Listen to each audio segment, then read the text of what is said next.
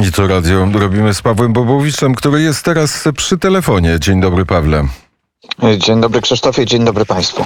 Patrzę na nasz specjalny dodatek do Kuriera Wnet najnowszego i tam jest rozmowa Pawła Bobowicza z Jaśminą Nowak z 19 kwietnia. Co mówiłeś 19 kwietnia? Można przeczytać w Kurierze Wnet, a co powiesz 2 maja, bo chcę z tobą porozmawiać o twojej ostatniej, ostatniej wizycie w Kijowie i o powrocie z Kijowa motorem.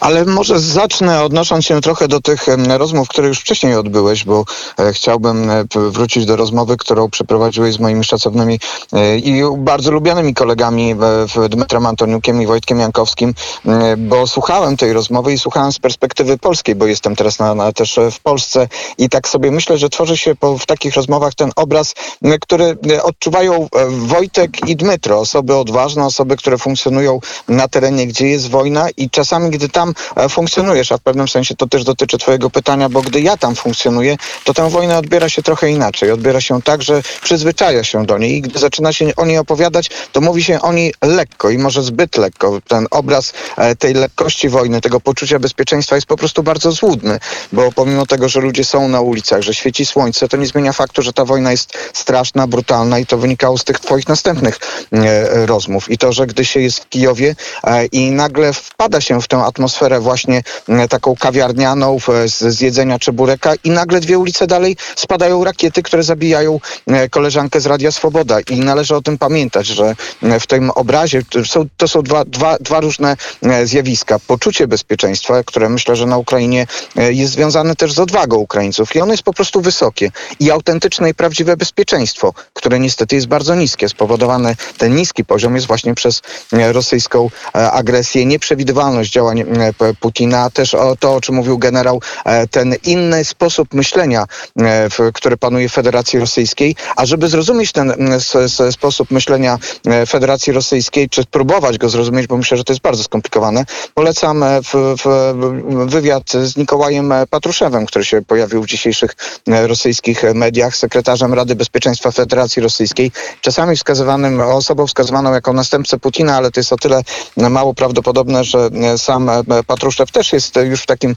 dosyć sędziwym wieku i, i nie chcę nikogo obrazić, ale e, ma 70 lat i być może następcą Putina nie jest, ale jest na pewno osobą, która e, mówi to, mówi prawdę o tym, jak wygląda i jak myśli e, Rosja. I on po prostu w, w tym wywiadzie kolejny raz mówi o tym, że opowiada o upadku Zachodu, oskarża Zachód o propagowanie nazizmu. Oczywiście głównym propagatorem nazizmu są Ukraińcy, ale Ukraińcy, którzy teraz wyjadą jadą na zachód, zachód będą nazizm przenosić e, na, na całą Europę. Przy tym przypo, przypomina czy, czy e, opowiada o przykładach sprzed II wojny światowej i twierdzi, że też Zachód propagował e, nazizm i że jest za to od, odpowiedzialny. I w związku z tym Federacja Rosyjska ma wielką misję zniszczenia tego nazizmu bez względu na to, gdzie jest, w jakim państwie nazizm wymyślony przez Federację Rosyjską by się nie znajdował. I to powoduje takie rzeczy jak w ciągu ostatniej doby, bo giną oczywiście ludzie i na tym kierunku izimskim, o którym dzisiaj opowiadaliście, też niestety dzisiaj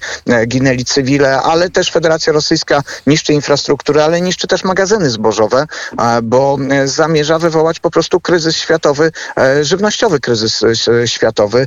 Zresztą Patruszew też do tego nawiązuje, mówiąc, że świat po prostu tego się boi, bo boi się, bo to jest rzeczywiście wielki problem. Ukraina jest potężnym dostawcą, dostawcą zboża. No i wracając do mojego pobytu na Ukrainie, E, ty już, e, Krzysztofie, o tym wiesz. Ja na początku o tym nie informowałem, ale już opowiadałem o tym e, z Kijowa. Miałem przyjemność i możliwość obserwowania konwoju humanitarnego zorganizowanego przez Fundację Niezapomniani. Niezapomniani to fundacja byłych żołnie żołnierzy gromu i funkcjonariuszy polskich różnego rodzaju sił, żołnierzy, którzy naszą ojczyznę realnie bronili też w latach 90., na początku lat 2000 i e, w Fundacji Orlen i Fundację, Polską Fundację Narodową. E, potężny konwój, który dostarczył e, pomoc humanitarną, ale też pomoc, która jest niezbędna dla tych, którzy bronią Ukrainy, a oprócz tej pomocy, znalazła się w tej pomocy też karetka, ale też znalazły się środki ochrony dla dziennikarzy i nasze radio też miało misję w tym, w czasie tej, tej, tego konwoju, bo dostarczyliśmy te środki ochrony do Kijowa, stamtąd już, już po docierały właściwie do dziennikarzy, którzy prowadzą, relacjonują wydarzenia bezpośrednio na froncie, czy w tych miejscach, które są e, szczególnie niebezpieczne, bo miejsca nawet, które zostały oswobodzone od e, żołnierzy Federacji Rosyjskiej, których Dmytro tak wyraźnie określa orkami i rzeczywiście tak to czasami wygląda. E, tam też jest niebezpiecznie, bo nie jest tak, że wszystkie niebezpieczeństwa z, tego terenu zostały usunięte, więc te środki ochrony już służą ukraińskim e, dziennikarzom i na pewno to jest, e, to jest e, wspólny sukces. Bardzo Ukraińcy za to dziękują. A fakt, że byłem w Kijowie, postanowiłem wykorzystać tym razem też do tego, żeby ściągnąć motocykl do Polski, bo pomimo tego, że w ubiegłym roku, w poprzednim roku często się nim poruszałem po Ukrainie, to teraz jednak mam świadomość, że nie jest to najlepszy środek lokomocji i do opowiadania o Ukrainie zdecydowanie lepszy pozostanie samochód, a motocykl być może bardziej się przyda tutaj e, na miejscu. I rzeczywiście przejechałem motocyklem z Kijowa e, do Warszawy, pokonując tak troszeczkę dłuższą trasę, bo jechałem przez, przez Lwów. E, motocykl zawsze daje możliwość takiej pogłębionej tej, tej obserwacji. Zawsze łatwiej się zatrzymać niż samochodem.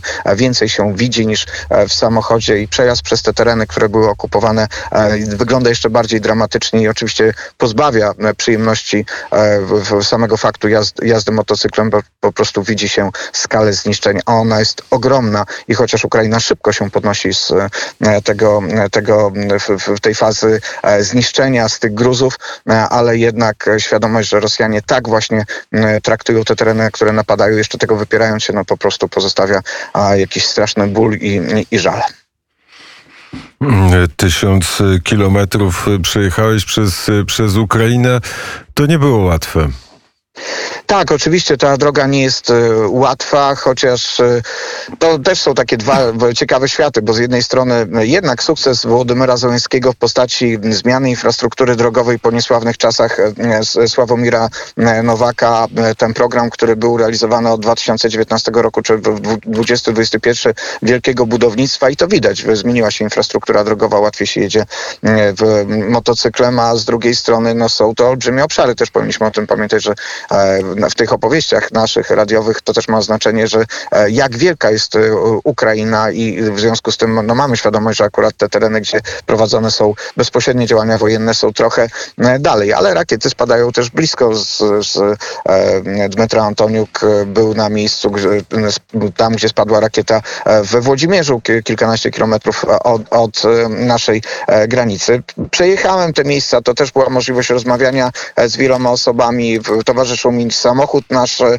radiowy i, i, i tam z kolei e, ten samochód pozwol, po, pomogli nam e, przewieźć osoby Ukraińcy. Też stale te nasze wyjazdy są wspomagane i ochraniane przez żołnierzy Sił Specjalnych Operacji. Tym razem jeszcze pomagał nam wolontariusz, który jechał, wykorzystał w sumie też możliwość przejazdu do Polski po to, żeby z kolei z Polski zabrać samochód opancerzony, który na Ukrainie będzie pełnił funkcję, funkcję karetki. Jechałem Jechałem przez większą część Ukrainy mając piękną pogodę, wjechałem do Polski, temperatura spadła do 6 e, stopni, zrobiło się ciemno i zmusiło mnie to do krótkiego noclegu, ale jak część z Państwa wie, na program wschodni się nie spóźniłem i w sobotę o godzinie 10 razem z Olą Siemaszko program wschodni poprowadziliśmy. No I może o tym programie wschodnim przez chwilę będziemy mogli porozmawiać, a co z samochodem, na który, na który prowadziliśmy zbiórkę i uzbieraliśmy pieniądze? Co z naszym samochodem, który mamy podarować?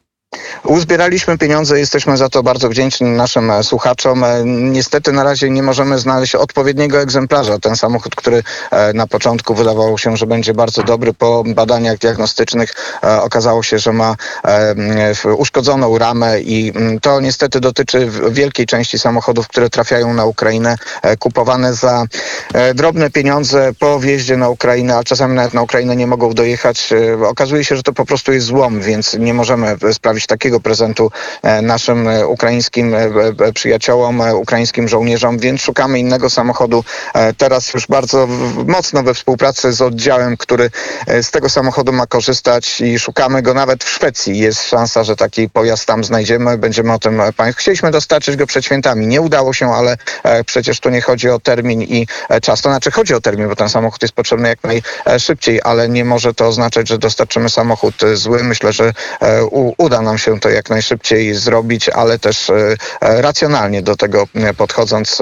Samochody akurat od tego dostawcy trafiały już do oddziału, z którym też w jakiś sposób mamy kontakty, bo historii tych żołnierzy opowiadam od 2014 roku i mam nadzieję, że to będzie taki pojazd, o którym, który będzie służył, ale o którym też będziemy mogli opowiadać. E, Też e, twoja opowieść z granicy polsko-ukraińskiej mnie e, zdziwiła. Dużo samochodów wjeżdża na Ukrainę z Polski. Tak, e, rzeczywiście my też w pewnym sensie w, w, chcemy skorzystać, e, czy, czy nasz odbiorca naszego samochodu, e, ponieważ Ukraina zniosła cła na samochody ze względu na to, że olbrzymia część samochodów, które wjeżdżają na Ukrainę, to są samochody, które właśnie mają służyć ukraińskim siłom zbrojnym. Potrzeby są potężne. Rozmawialiśmy o tym, Krzysztofie, zdziwiłeś się nawet, że to jest tak wielka skala, ale to jest wielka skala. Są potrzebne samochody pick-upy, samochody transportowe, busy, terenówki rzeczywiście jedzie ich cała e, masa, ale z tej, e, z tej ulgi w przepisach postanowili też skorzystać inni, zwykli Ukraińcy, a też pewnie i czasami, a może nawet często ci, którzy na, w, w takich momentach chcą zarobić pieniądze i na granicy po prostu jest mnóstwo samochodów, e, które są e, sprowadzane teraz na Ukrainę i które, no śmiem wątpić, że będą służyły ukraińskiej armii, bo e, dosyć nowe modele Audi czy e, BMW raczej mało się nadają e, z, do tego, żeby e, jeździć gdzieś tam na bezdrożach i e, przy linii e, frontu. To zapchało granicę w pewnym momencie dosyć po- poważnie. Ukraińcy teraz wyznaczyli przejścia, którymi e, można ściągać inne samochody niż te służące, niż te, które mają służyć ukraińskiej armii. W jakiś sposób to trochę rozładowało ruch na granicy, ale te osoby, które walczą, żołnierze, z którymi rozmawiałem, no mają w sobie taką gorycz, chociaż z drugiej strony mówią, że na pewno oprócz samochodów, które mają trafić na front, też trzeba mieć świadomość, że mnóstwo samochodów zwykłych ludzi, cywilów zostało zniszczonych i teraz też będą musieli te samochody w jakiś sposób kupić, e, żeby mogli normalnie mm, funkcjonować. Ale z kolei jeszcze jeden aspekt to olbrzymia liczba samochodów, która trafia szczególnie do Kijowa, zapycha to em, miasto, które cały czas przygotowuje się e, do obrony. Inne miasta też przygotowują się do obrony. No i na Ukrainie e, to, co jest, e, rzuca się bardzo e, w oczy, to e, oczywiście problemy, gigantyczne problemy z e, paliwem, pogłębiające się problemy z paliwem. Jest to rezultat e, i ostrzałów e, rosyjskich e, i też zwiększonego e, zapotrzebowania na paliwo i też po, po polityki reglamentacji paliwa, które przede wszystkim powinno teraz służyć em, ukraińskiej armii, ale też e, jest wykorzystywane po to, żeby e, tworzyć te, czy, czy, czy za, za, mogły funkcjonować łańcuchy logistyczne transportu, dostarczania e, towarów e, do różnych e, miast, też tych miast, które e, są przecież w, w, w, w częściowym okrążeniu, czy są atakowane, takich miast na przykład jak Charków, a do niedawna jakim był e, Kijów. Tam e, te, te cały czas e, towary muszą być dowożone i ciężko sobie wyobrazić, żeby samochody, które pełniły taką misję, były pozbawione możliwości dostępu do paliwa. A ja przypomnę Państwu, że trwa kolejna zbiórka darów dla Ukrainy. Tym razem chcemy dary dostarczyć do Lwowa. Ta zbiórka trwa i pewno będzie trwała do końca, do końca tego tygodnia. Czekamy na te dary przy krakowskim przedmieściu 79, czyli w naszej e, siedzibie. A jeśli chodzi o program wschodni, to fragment tego programu wschodniego był poświęcony odnawianiu polskich cmentarzy e, na Wołyniu.